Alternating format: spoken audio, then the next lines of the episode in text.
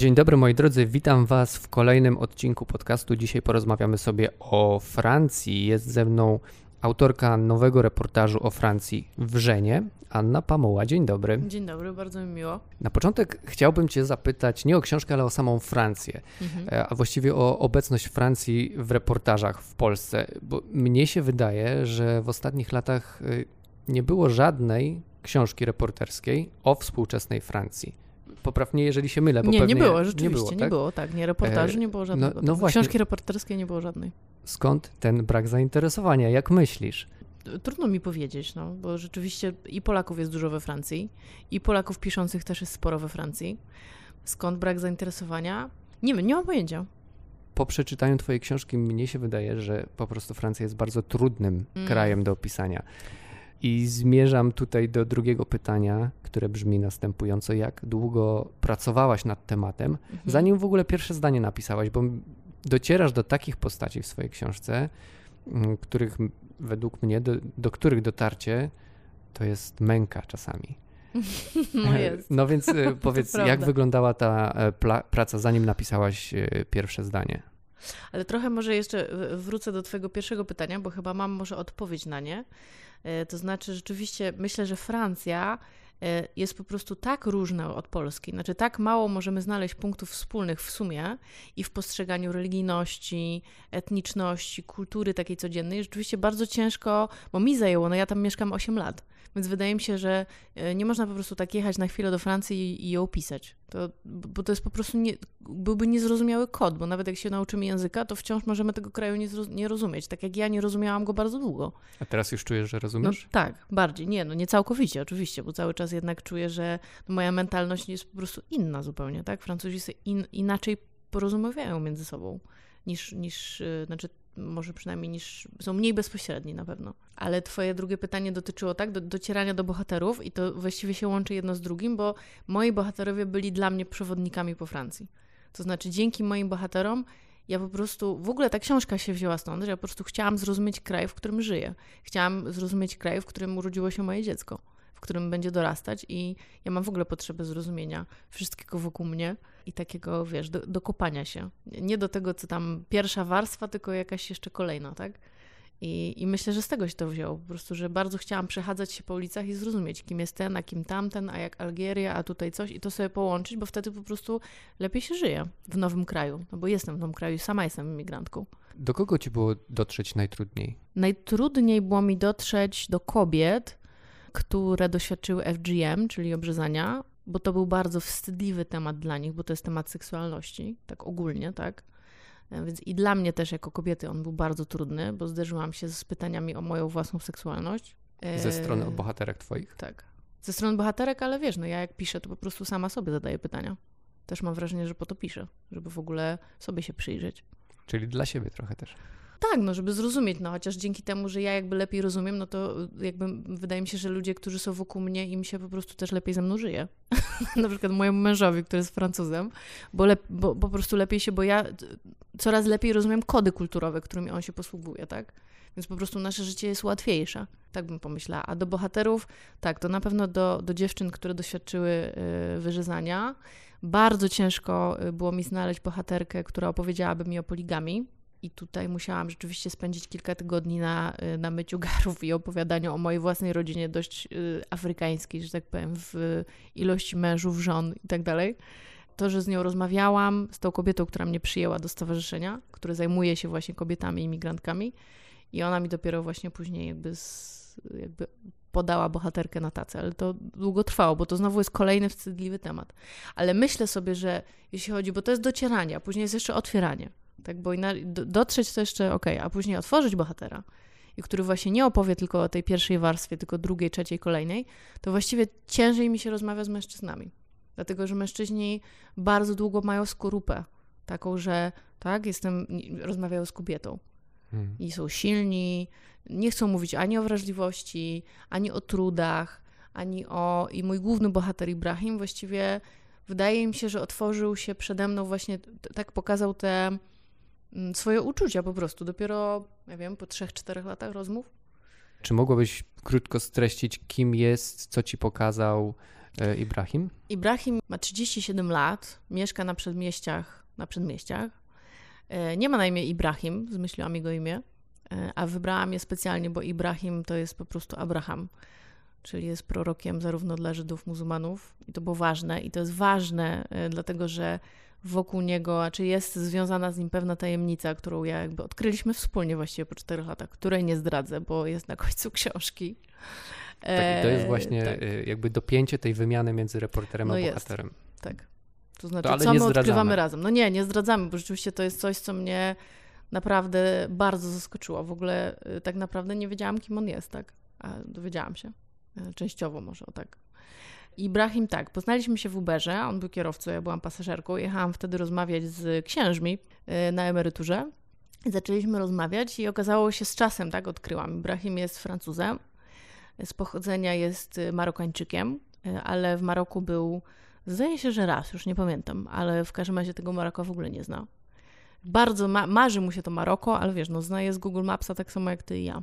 Jest y, radykalnym muzułmaninem, ale wiesz, no radykalny, co to w ogóle znaczy? No? Radykalny, który jak się tam nie wymodli trzy razy, to się będzie modlił trochę wieczorem, pali jointy, bo nie ma o tym w Koranie, no więc to tak też można w ogóle dyskutować, tak? To w ogóle jest bardzo ważne definiowanie. Co, co my, jak ja mówię radykalny muzułmanin, to co się za tym kryje, tak? No bo to jest trochę taki skrót myślowy po tak. prostu, tak? tak? Ty myślisz inaczej, ja myślę inaczej, ktoś myśli Dokładnie, inaczej. tak. I o tym też jest w sumie twoja książka. O tym jest moja książka, dokładnie o tym jest, że nic nie jest takie, jak nam się wydaje. No więc tak, y, jest, y, byłym złodziejem, złodziejem na przykład biżuterii, na polach elizejskich, w różnych innych miejscach, bardzo takim, który opowiedział mi o swojej technice, jakby jak kradł, który już złodziejem nie jest, sprzedawał narkotyki bardzo długo, siedział w więzieniu ponad 100 razy.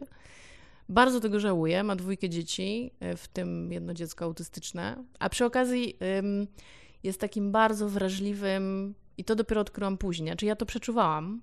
I wydaje mi się, że to wynika z tego, że on bardzo dużo przeżył w życiu, E, i poczuł i smutek, i radość, i ból, i żal, i naprawdę. E, I, to on umie to przełożyć na, na empatię po prostu. On czuje innych ludzi. On ma takie wyczucie do innych ludzi po prostu. Więc jest e, bardzo złożonym człowiekiem. Ibrahim jest może najciekawszym mm, bohaterem z tej książki, jest na pewno głównym bohaterem i w relacji z nim przeżywasz różnego rodzaju perturbacje. To jest człowiek, no tak. który, e, którego poznajesz, e, wydaje ci się, że poznajesz, później okazuje się, że jest trochę inaczej niż myślałaś. Czy jako reporterka, która, tak jak powiedziałaś, pracowała z nim, rozmawiając 4 lata, czy ciebie po prostu szlak nie trafiał czasami i nie chciałeś rzucić tego bohatera, to znaczy rzucić, no to jest brzydko powiedziane, po prostu zostawić tego tematu, jego tematu. Mm, bo to był naprawdę bardzo trudny bohater. No tak, ale ja jestem strasznie uparta. jak, jak y, strasznie jestem uparta, jak czuję, że, że coś tam jest. Jak mam takie mhm. poczucie, że on mi jeszcze, że jeszcze ma mi coś do powiedzenia i jeszcze mamy sobie coś wzajemnie do odkrycia, tak? No bo to, to na tym też polega, że to jest pewnego rodzaju wymiana też. Mhm. Dlatego im dłużej tym trwa, no to, bo, bo to też jest tak, że ja od niego się bardzo dużo nauczyłam. I o sobie, i o Francji, oczywiście bardzo dużo. I no nie, nie miałam takiego momentu. Oczywiście pewnie, że mnie wkurzał, jak nie odbierał telefonów albo znikał i się okazywało, że jest w innym kraju, znaczy nie, to w innym kraju nie, bo on w ogóle nie wyjeżdża za granicę, ale gdzieś w ogóle w innym mieście. Raz był w Barcelonie, to tak, ale że jest albo w innym mieście, albo, albo właśnie siedzi w więzieniu i właśnie z niego wyszedł. I... Ale nie mogę powiedzieć, że mnie to wkurzało, to po prostu ja już się w pewnym momencie, to mnie stresowało, bo ja nie wiedziałam, czy ja będę miała wystarczająco, żeby go opisać. Bo to było, z Ibrahimem było tak, że on strasznie dużo gadał, bo on po prostu gada i nawet styl jego mówienia jest tak, jakby po prostu z karabinu strzelał. E, natomiast ja po pierwsze nie, nie mogłam notować, bo on był bardzo nieufny przez bardzo długi czas. Znaczy, albo myślał, że jestem, bardzo długo myślał, że jestem agentką Mossadu, co było zabawne, um, bo on nie rozumiał w ogóle, dlaczego ja nim jestem zainteresowana, bo jak na początku, dobra, pogadałam z nim raz, dwa, ale jak zaczęłam mu zadawać pytania bardziej takie intymne, tak, i o jego rodzinę, to on był bardzo tym zmieszany, bo jakby myślę, że też wynika to z tego, że on uważa się po prostu za mało interesującego człowieka, więc on był w ogóle jakby nie, nie ma poczucia własnej wartości. Więc dla niego jak to o mnie, książka. Ja mówię, słuchaj, jesteś głównym bohaterem mojej książki.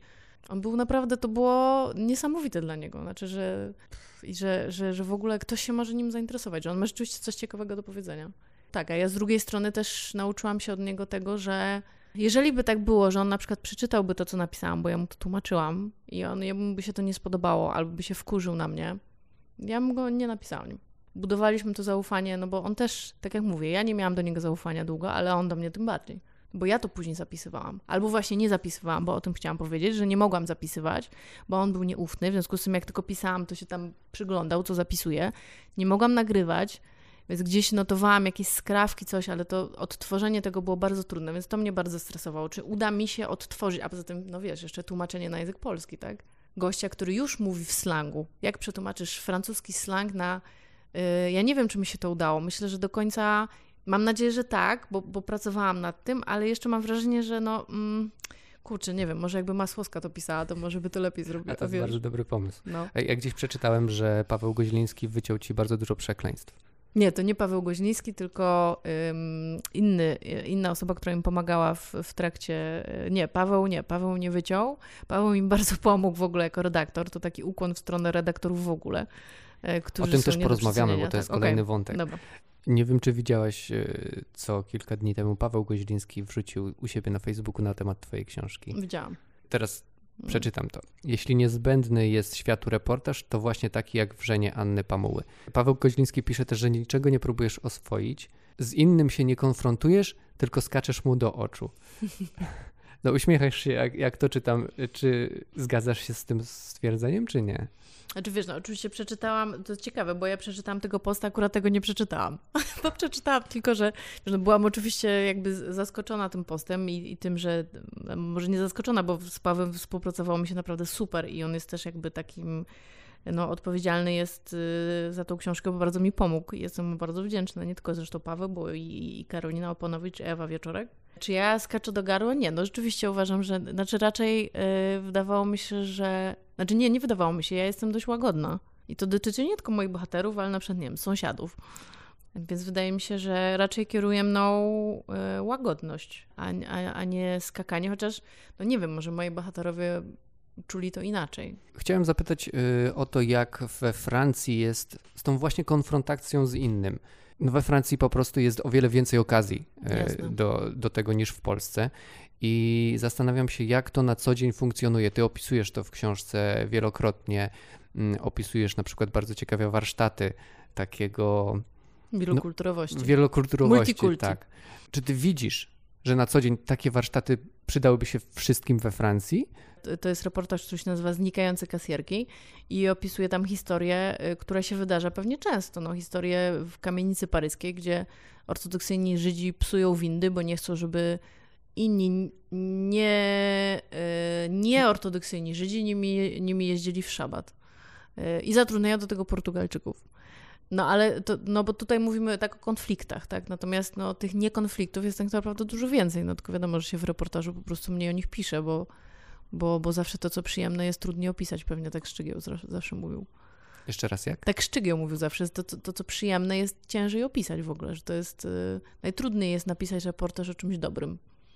Mhm. Y, Ale tak naprawdę tych dobrych rzeczy, takich codziennych, jest dużo więcej niż konfliktów. E, Natomiast czy warsztaty by się przydały? Znaczy ja w ogóle myślę, że warsztaty, wiesz, niezależnie od tego, czy to jest wielokulturowość, czy po prostu zrozumienie drugiego człowieka, to by się wszystkim przydały.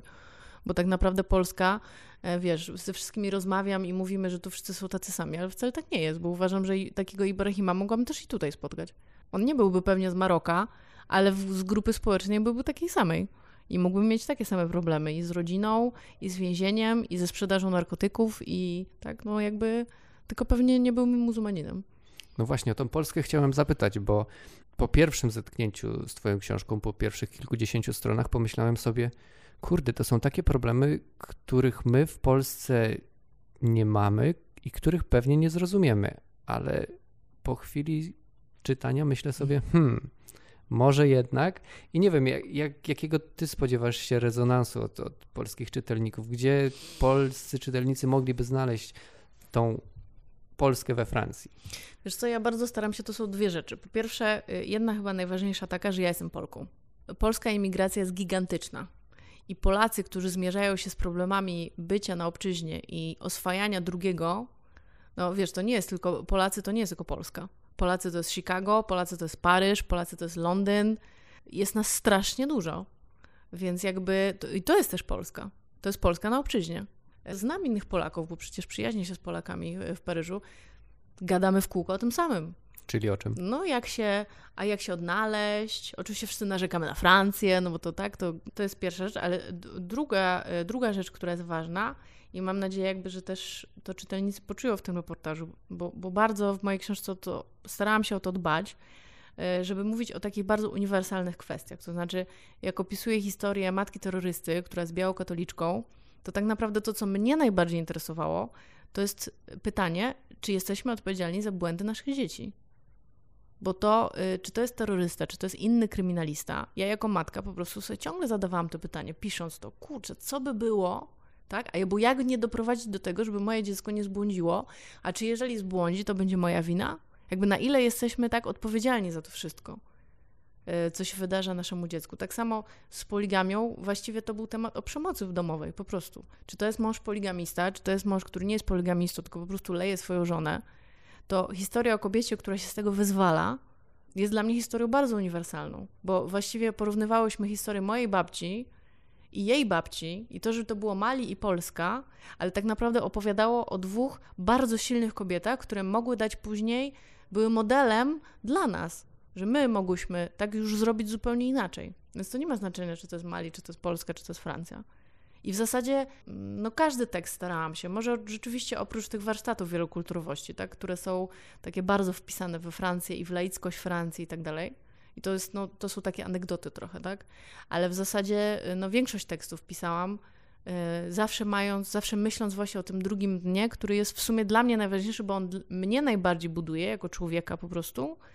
No i później nawet widzę w dyskusjach, tak, jak zapraszamy znajomych i gadamy o o, o czymkolwiek związanym, opowiadam im na przykład, że poznałem jakiegoś bohatera, to to, co wzbudza dyskusję, to jest o coś, co ludzie mogą się sami zaczepić, tak? Czy tak jak ci mówiłam, że kwestia wyrzezania to jest kwestia w ogóle seksualności kobiet, tak?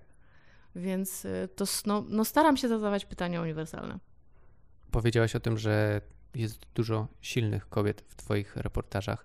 Mnie się chyba najbardziej podobała jedna z pierwszych y, historii o nauczycielce, która jest y, właśnie silną kobietą, y, zdeterminowaną, wiedzącą, do czego dąży w życiu i wiedzącą też, jak chce innym pomagać. I tutaj pojawia się temat szkoły, który wydaje mi się jest kluczowy. Nie wiem, czy ty mhm. też tak uważasz. Zdecydowanie. Y, wszystko się zaczyna w szkole. Tak, wszystko się zaczyna w szkole i o tym też pisała albo ja o tym rozmawiałem mhm. z Joanną Gierekonoszko, która mhm. napisała książkę o Kanadzie. O, bardzo chcę przeczytać jej książkę. Książkę o Kanadzie, ale tak naprawdę o czymś więcej i też o systemie edukacji. No i nawiązując do szkoły, czy ty myślisz o tym, jak twoje dziecko pójdzie do szkoły? Na kogo trafi, na jakiego nauczyciela, na jakich kolegów? No I jak już tak ta jest. szkoła... No, moje dziecko już właśnie poszło A, do szkoły, tak? tak? O, widzisz. Poszło do zerówki. Jakie ma, masz związane z tym obawy? Nie, nie mam związanych obaw, no bo już jest w szkole, od, we Francji szkoła jest w ogóle obowiązkowa od trzeciego roku życia. Mhm. I to jest kwestia wyrównywania szans społecznych, tak się o tym mówi. Bo no, nawet jeżeli oczywiście można by powiedzieć, że nie wszystkie dzieci potrzebują szkoły, jak mają trzylatka, no to jednak we Francji myśli się właśnie o tych, którzy potrzebują, bo nie mają żadnego wsparcia w domu. Bo nie ma rodziców, którzy będą im czytać, albo często jest tak nawet, że nie mają obiadu w domu. Więc y, obiad na stołówce to jest jedyny posiłek w ciągu dnia. A w szkole, no do tej pory jakby no, mam doświadczenia tylko takie, że po prostu moje dziecko, on widzi te różnice, tak? Jakby jest świadomy. No ostatnio powiedział pani dyrektor, że on jest Polakiem, Francuzem, Indianinem ze strony mojego męża, z plemienia Cherokee i, yy, i Wikingiem, dlatego że jego dziadek był Anglikiem. Znaczy jest Anglikiem. Jesteśmy zbudowani z wielu fragmentów. Jego polskość jest ważna, bo mówi po polsku, ja do niego mówię po polsku. Zna Tuwima i, i wszystkie polskie wiersze i bardzo lubi polski, szczególnie brzydkie słowa. brzydkie słowa i wiesz, no polski jest taki plastyczny, można się bawić językiem, tak, więc jest juziem, juzinkiem, tak, no po francusku się tak nie da. I to jest super. Yy, dlatego ten polski bardzo dbam o to, żeby on mówił po polsku i w ogóle, żeby... A, no i przepraszam, ma polski żołądek, to znaczy, wiesz, ptasie mleczko, pączki, pierogi, polski żołądek na bank. W naszym domu i w jego szkole jest tyle ludzi i dzieci zewsząd, znaczy, on w zasadzie tak w czasie rozmowy on nie rozmawia o tym, no po prostu to, to, to jest, jest naturalne, coś, to jest tak? naturalne Ale prostu, czy no. szkoła no. ma w standardzie takie ćwiczenia, zajęcia z wielokulturowości? Nie. Uwaga, to jest Francja. We Francji wszyscy są tacy sami. z założenia. To znaczy okay. tak, po prostu wszyscy, jak tylko przekraczają próg szkoły, a uwaga, rodzice nie mogą wchodzić do szkoły we Francji, więc wchodzą tylko dzieci, to wszyscy jakby z założenia są tacy sami. Natomiast no, rzeczywiście w tej chwili jest duża, akurat we Francji bardzo się dużo mówi o takiej krytyce szkoły, tak, że może jednak nie wyrównuje szans, nie wiem, bardzo mi, bardzo mi ciężko debatować, no bo na razie jakby mogę powiedzieć tylko o doświadczeniu mojego dziecka i to, co też widziałam rozmawiając z nauczycielami. No akurat spotkałam wyjątkowych nauczycieli, tak, bo spotkałam Fatihę, która bardzo dba o swoje dzieci i spotkałam też dużo nauczycieli taki, takich, którzy mają misję, żeby być nauczycielami. Ale też zdaję sobie sprawę, że, że sytuacja wcale nie jest, y, nie jest kolorowa w wielu miejscach i że nauczycielom jest bardzo ciężko, a uczniom też, żeby się w ogóle cokolwiek nauczyć i wynieść ze szkoły, tak? Bo są, są takie miejsca, gdzie dzieci e, no, po podstawówce nie umieją czytać i pisać. To jest straszne, natomiast to jest bardziej połączone z klasą społeczną niż z etnicznością, chociaż to się oczywiście we Francji gdzieś nakłada. Ale nie wiemy, no bo dane etniczne są y, zakazane. Nie można prowadzić w ogóle żadnych danych, ani religijnych, ani etnicznych we Francji, więc nie wiemy, co to są za ludzie, ile ich jest. Mamy tylko dane takie społeczne, tak, tak jak w Polsce pewnie. Inną bardzo ciekawą postacią, która mnie zainteresowała, jest e, pani, która się nazywa Marion Marshall mhm. Le Pen, tak? Bardzo dobrze, dobrze wymawiam? Tak jest. Francuzi nazywają ją faszystką, ale jak na polskie warunki ma bardzo progresywne, lewackie wręcz poglądy, bo tak. Niektóre. Niektóre. Rozdział kościoła od państwa, legalna mhm. aborcja, nawet dopuszcza finansowanie aborcji, chyba jednej powiedziała jednej, ci. Tak E, dla danej osoby. Jest, e, nie ma nic przeciwko dostępnej darmowej antykoncepcji i deklaruje się w twojej rozmowie, w rozmowie z tobą zadeklarowała się jako feministka. Tak. Bardzo ciekawa perspektywa. Francuzi mówią na nią, faszystka u nas byłaby lewa, lewaczką. Tak. Właściwie nie wiem, jak zadać pytanie, jak to jest możliwe, Ale wiesz co, tak, bo po taki prostu rozrzut. we Francji wydaje mi się, że jeśli chodzi o prawa kobiet, to już pewne walki zostały wygrane. Mhm. To znaczy, to, to już to jest za nami, tak? Jak, gdzie my jesteśmy. Tak. To jest bardzo już za nami, no powiedziałam właśnie za nami, to znaczy, że już moja jakby akulturacja y, idzie coraz lepiej, ale jest to rzeczywiście za nami, y, za Francją, y, no bo ta walka już się zaczęła bardzo dawno mm, i ona jest nieprzerwana, to jest też ważne, tak, że jakby od lat 70. naprawdę kobiety walczą o swoje prawa. Na przykład od zeszłego roku ilość artykułów o kobietobójstwie jest no, gigantyczna, naprawdę. Cały Paryż jest praktycznie wypla- wyplakatowany hasłami dotyczącymi y, kobietobójstwa i naprawdę dużo się o tym mówi. To też mnie zaskoczyło i oczywiście ja specjalnie zbudowałam w mojej książce ten, y, ten reportaż w ten sposób, że no, zaczyna się nie wiadomo kim, nie wiadomo kim ona jest, ale mówi właśnie w sposób bardzo liberalny, ale uwaga, nie wszystko. Bo pierwsze, wiesz, no jednak jest to populizm, bo ona jak zaczyna opowiadać o imigrantach, nie chodzi tutaj o prawa kobiet, natomiast, bo, bo to jest właśnie, to jest już wygrana walka. Ona wie, że we Francji nie może sobie pozwolić na powiedzenie czegokolwiek innego. Po prostu, jeżeli chce w ogóle wygrać wybory, tak? Musi już w pewien standard wejść. Wiesz, to tak jak myślę sobie o, pisałam kiedyś reportaż, którego nie ma w tym zbiorze, ale o księżach we Francji. I pamiętam, jak y, wielu francuskich katolików mówiło mi, że już najgorzej, jak przyjdzie do nich ksiądz z Polski albo z Afryki, bo w ogóle nie rozgrzesza. Z tego, z czego francuski ksiądz już rozgrzesza. Wiesz? Czyli z rozwodu i tak dalej. W ogóle nie ma czegoś takiego jak spowiedź. Praktycznie jak wejdziesz do francuskiego kościoła katolickiego, jest bardzo mało konfesjonałów. Po prostu jest rozmowa z księdzem. Tyle. Tak? A do komunii idą wszyscy. Więc y, jakby to różnica światopoglądowa jest bardzo różna i to chyba już długo trwa bardzo. To nie jest tak, że to wiesz, pojawiło się niedawno. Tak, ja, ja Wam polecam, zwróćcie uwagę na ten rozdział, bo, to, bo on naprawdę pokazuje, w jak różnych Europach żyjemy. Tak mi się wydaje. No tak, no plus w ogóle ten, ten rozdział dotyczy y, imigrantów, a bardziej ich potomków, bo to oczywiście są ludzie, którzy już mają francuskie paszporty, żeby w ogóle móc głosować. Y, ludzie, którzy po prostu głosują na Front Narodowy. No ale w zasadzie pytanie jedno, no a dlaczego nie? Jakby dlaczego oni? Czy oni mają jakiś po prostu pakiet poglądów, którzy wiesz, y, dostają jak wjeżdżają do, do kraju, tak? To, to, to jest też problematyczne. Na ile problemy, o których piszesz, są teraz we Francji e, dyskutowane, zajmują polityków? Na ile one są ważne? No one są bardzo ważne. Temat, temat szkoły powraca cały czas. E, akurat w, no, w tej chwili zaczęły się procesy Charlie Hebdo, więc to trochę no, wrze tak? Bo zaczęły się procesy Charlie Hebdo. Charlie Hebdo to jest taki tygodnik satyryczny, który wychodzi we Francji od wielu lat i ośmiesza absolutnie każdą religię. I, i, I nie wiem, czy pamiętasz, y, pewnie tak, jak y, właśnie były zamachy na redakcję Charlie Hebdo, kiedy zamachowcy, islamscy zamachowcy weszli i zamordowali siedem osób bodajże w redakcji. I od tamtej pory oni działają dalej. Natomiast y, nie wiem, czy każdy z nich, ale na pewno redaktor naczelny zawsze ma ochronę, z osobą chyba dwóch ochroniarzy, 24 godziny na dobę, ten tak żyje. A poszło o to, że opublikowali karykaturę proroka na pierwszej stronie gazety.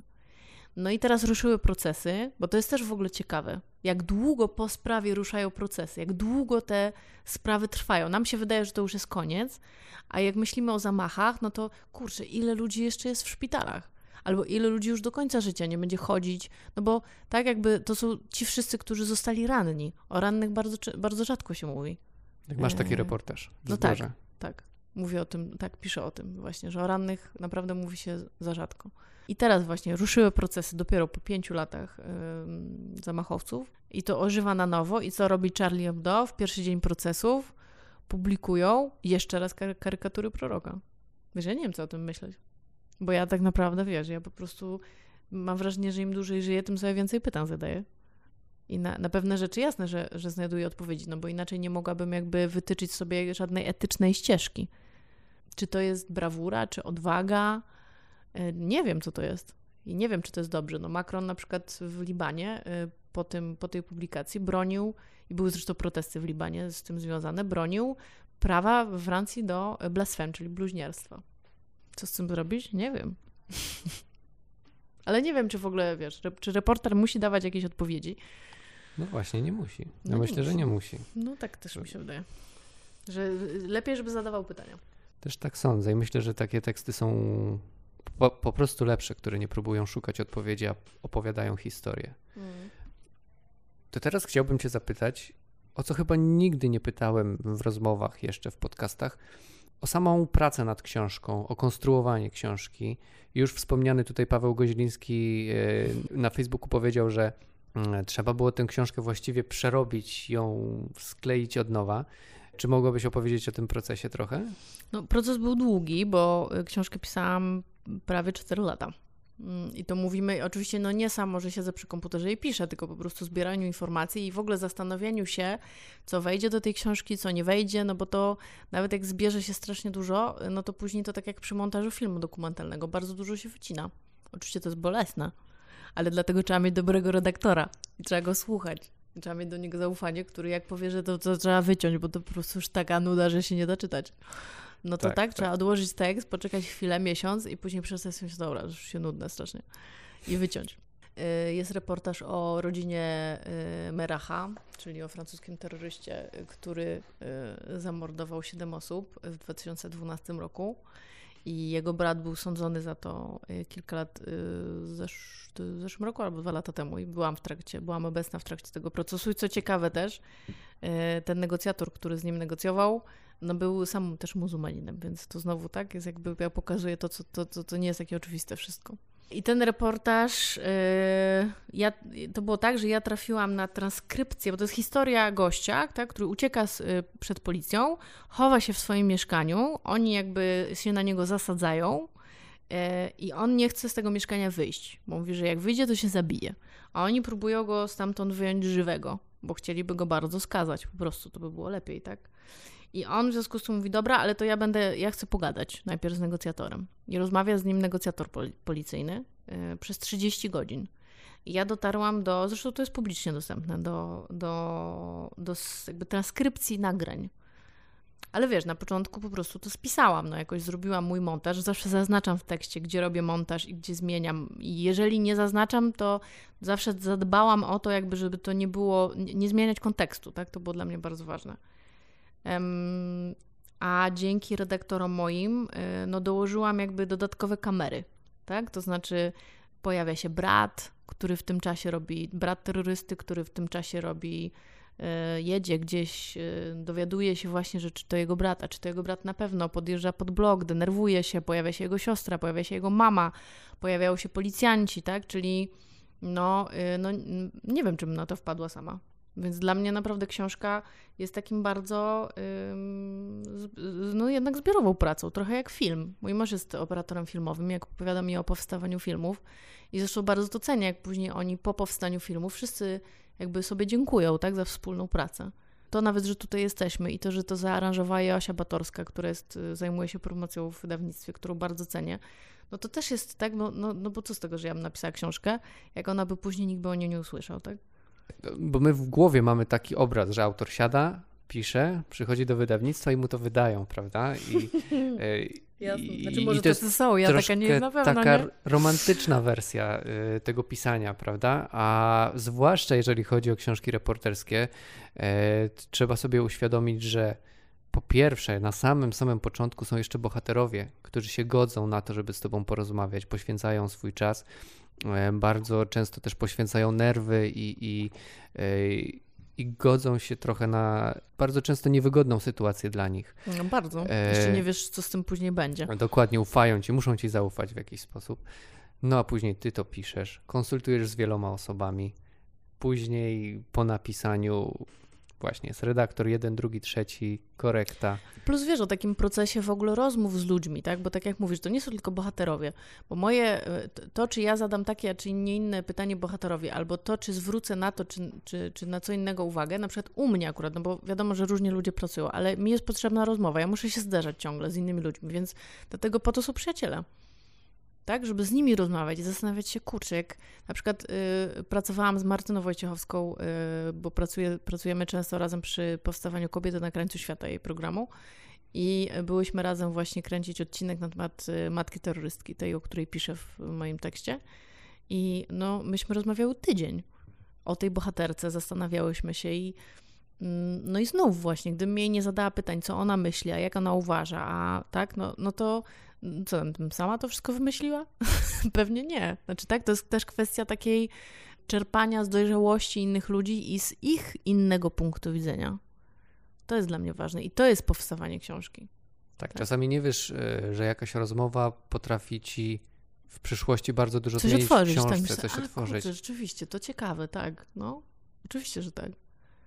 Więc, e, no i, i trzeba się naprawdę na, czasem nie wiem, może to być powieść, mi się tak zdarzało, że bohater powieści na przykład powiedział coś, myślałam, to by mi się przydało. Tak, albo otwierające zdania jakieś. Albo otwierające zdania. Ale wiesz, nawet nie technicznie, tylko tak, w takiej opowieści albo w postrzeganiu rzeczywistości. Jakby, no bo, no bo y, bohater jak opowiada o swojej rzeczywistości, to często jest przecież tak, że no, albo ją nie do końca umie opisać, no, trzeba mu zadać jeszcze pytania pomocnicze, ale żeby mu zadać pytania pomocnicze, to trzeba go sobie w ogóle wyobrazić, tak? To znaczy, to trochę jest jak przy pisaniu powieści jednak, tak? Jakby co on no, czy my w ogóle o sobie wiemy dużo? Wiesz, jest taki um, świetny um, pisarz i psychoanalityk, nazywa się Irwin Yalom i on napisał swoją autobiografię w wieku 80 lat i y, zatytułował ją Stając się sobą. No bo przecież to nie jest tak, że każdy z nas, no ja mam 36 lat, wcale jakby no dowiaduję się, kim jestem, tak, z czasem. To jest właśnie dzięki moim bohaterom, dzięki przyjaciołom, dzięki ciągłym zderzaniu się z innymi ludźmi, tak? I zastanawianiu się, okej, okay, a, a co, co, co, mi to robi? Jakie ja mam, w związku z tym, jakie ja podejmę wybory? A tak patrzysz na swoją pracę reporterską yy, jako poznawanie innych, ale poznawanie siebie? Tak, zdecydowanie. To super, to jest dobra puenta, zakończmy tak. Anna Pamuła była e, moją rozmówczynią dzisiaj, autorka książki Wrzenie, która ma podtytuł jakiś, tak? Czy Francja na krawędzi. Francja. Na... Ale najważniejsze wrzenie. Francja na krawędzi, a jeżeli nie czytaliście Polakos, to również polecam. Bardzo fajna książeczka, e, wydana w czarnym kilka lat temu. Taka żółto... Żółta, żółta tak, to żółta, prawda, że miało dobrze pamiętać, tak, żółta, no. Dziękuję bardzo, że słuchaliście tego podcastu do końca i zapraszam Was na kolejne odcinki, które już wkrótce. Do usłyszenia. Do usłyszenia.